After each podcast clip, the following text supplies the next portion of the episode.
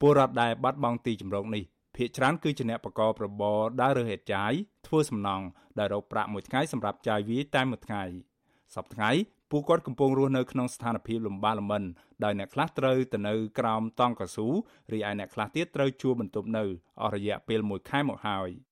ការបាត់បង់ផ្ទះសម្បែងនេះ កើតឡើងក្រោយពេលកម្លាំងពជាការពារខណ្ឌរិស័យកែវបានចុះទៅរុះរើផ្ទះរបស់ពលរដ្ឋអស់44ខ្នងដោយគ្មានប្រាប់ពលរដ្ឋឲ្យដឹងជាមុនឡើយកាលពីថ្ងៃទី22ខែកក្កដាកន្លងទៅពលរដ្ឋម្នាក់ដែលប្រកបរបរដើររើអេតចាយចិញ្ចឹមកូន3នាក់លោកស្រីងនផានី ថ្លែងថាពលរដ្ឋរស់នៅភូមិផ្សារតូចអស់រយៈពេលជាង20ឆ្នាំមកហើយបែរជានៅពេលនេះអាជ្ញាធរចុះបណ្ដេញពួកគាត់ដោយបង្ខំចេញពីកន្លែងនោះដោយសំអាងថាពួកគាត់រស់នៅលើដីរដ្ឋខុសច្បាប់លោកស្រីបន្តថាអាញាធរចុះរុះរើផ្ទះរបស់ពលរដ្ឋខ្មែរជិត50គ្រួសារដែលរស់នៅក្រុម B ដោយមិនឃើញចុះរុះរើផ្ទះរបស់ជនជាតិវៀតណាមណាមួយនៅក្នុងក្រុម A ដែលជាប់គ្នានោះឡើយ លោកស្រីបន្ថែមថាអាញាធរហាក់ដូចជាគិតគូរពីសុខទុក្ខរបស់ជនជាតិដទៃច្រើនជាងជាតិសាសន៍ខ្មែរគ្នាឯង។លោកស្រីឲ្យដឹងទៀតថាអ្នកភូមិភាគច្រើនជាមនុស្សវ័យចំណាស់និងក្មេងៗកំពុងខ្វះស្បៀងអាហារបរិភោគនិងឈឺច្រើនហើយគ្មានមន្ទីរពេទ្យណាទទួលព្យាបាលពួកគាត់នោះទេដោយខ្លាចឆ្លងជំងឺ Covid-19 ស្ត្រីវ័យ35ឆ្នាំរូបនេះស្នើសុំរដ្ឋាភិបាលផ្ដល់ទីតាំងថ្មីឲ្យពួកគាត់ជាពលរដ្ឋខ្មែររស់នៅឲ្យបានសមរម្យដោយទៅនឹងចំណាត់ការកន្លងទៅរបស់រដ្ឋាភិបាលដែលធ្លាប់បានគិតគូរដល់ពលរដ្ឋវៀតណាមដោយបណ្ដេញពួកគេចេញពីដងទន្លេ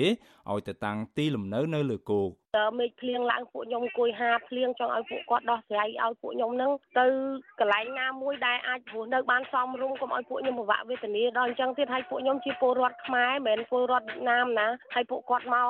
អត់មានដំណោះដោះស្រាយឲ្យពួកខ្ញុំអញ្ចឹងពួកខ្ញុំមិនដឹងទៅទីពឹងអីទេព្រោះគាត់ជារាជរដ្ឋាភិបាលមួយទាំងមូលអញ្ចឹងដល់ពេលគាត់ទៅធ្វើពួកខ្ញុំអញ្ចឹងដូចពួកខ្ញុំនឹង លើពួកវៀតណាមទៀតអីចឹងពួកវៀតណាមនៅទូក៏គេនៅមានរកកន្លែងឲ្យនៅសំរុំឲ្យបើពួកខ្ញុំពលរដ្ឋខ្មែរមួយទាំងមូលគាត់អត់មានអើពើមួយពួកខ្ញុំចឹងធ្វើដូចពួកខ្ញុំហ្នឹងសັດធៀបចឹងណាលោកគ្រូចៅសង្កាត់ទួលសង្កែទី1លោកស្រីរាជផាវឿនប្រាវិសុវស៊ីស្រីនៅថ្ងៃទី22ខែសីហាយ៉ាងខ្លីថាខាងសាលាខណ្ឌឫស្សីកែវគឺជាអ្នកអនុវត្តការរុះរើនេះរីឯខាងសាលាសង្កាត់គ្មានសិទ្ធិសម្រេចរឿងនេះទេ លោកស្រីប្រាប់ឲ្យសួរអភិបាលរងខណ្ឌរិស័យកែវលោកប្រាជ្ញសីហាដែលកាន់រឿងនេះជំនួសវិញចំណែកឯអភិបាលរងខណ្ឌរិស័យកែវលោកប្រាជ្ញសីហាបដិសេធធ្វើអត្ថាធិប្បាយរឿងនេះតាមទូរស័ព្ទដោយលោកប្រាប់អ្នកសារព័ត៌មាន Visual Asia សេរីឲ្យទៅជួបលោកដោយផ្ទាល់នៅឯសាលាខណ្ឌរិស័យកែវតាក់ទងនឹងរឿងនេះអ្នកសម្របសម្រួលគម្រោងធុរកិច្ចនិងសិទ្ធិមនុស្សរបស់មជ្ឈមណ្ឌលសិទ្ធិមនុស្សកម្ពុជាលោកវ៉ាន់សុផាត មានប្រសាសន៍ថាការបំផ្លិចបំផ្លាញលំនៅឋានរបស់ប្រជាពលរដ្ឋពីសំណាក់អាជ្ញាធរនៅក្នុងអំឡុងពេលជួបវិបត្តិជំងឺ Covid-19 នេះគឺជាការរំលោភសិទ្ធិរស់នៅរបស់ប្រជាពលរដ្ឋនិងជាអំពើអមនុស្សធម៌ចំពោះពលរដ្ឋក្រីក្រលោកយល់ថាអាញាធមមូលដ្ឋាន មានភារកិច្ចស្វែងរកទីតាំងថ្មីជូនពួកគាត់ជាមុនសិនមុននឹងប្រើកម្លាំងទៅវាយកំទេចចោលផ្ទះសម្បែងរបស់ពួកគាត់យ៉ាងដូចនេះបើទោះបីជាទីតាំងដែលពលរដ្ឋរស់នៅនោះគឺជាដីសាធារណៈរបស់រដ្ឋក៏ដោយ គាត់រកទទួលទាននៅនឹងតាំងពីយូរមកហើយហើយតែមកថាគាត់មករស់នៅលើដីខុសច្បាប់អញ្ចឹងឃើញថាហ្នឹងវាគ្រាន់តែជាលេសអាញាធនក្នុងការបណ្ដឹងពួកគាត់ចេញហើយវាជាការរំលោភសិទ្ធិនៅឋាននិងសិទ្ធិជាពិសេសសិទ្ធិមនុស្សរបស់គាត់សិទ្ធិស្ត្រីសិទ្ធិកុមារហ្នឹងគឺថាវារំលោភធ្ងន់ធ្ងរហើយវារំលោភច្បាប់ទៅទៀតហើយបើសិនជាបណ្ដឹងពួកគាត់ចេញហើយឲ្យគាត់ទៅនៅដីដែលពុំមែនជាដី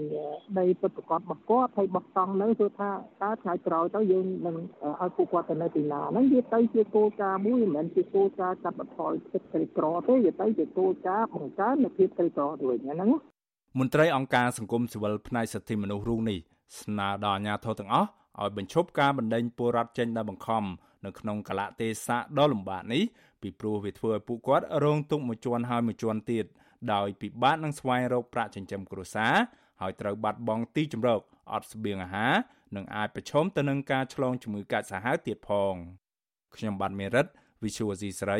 រាយការណ៍ពីរដ្ឋធានី Washington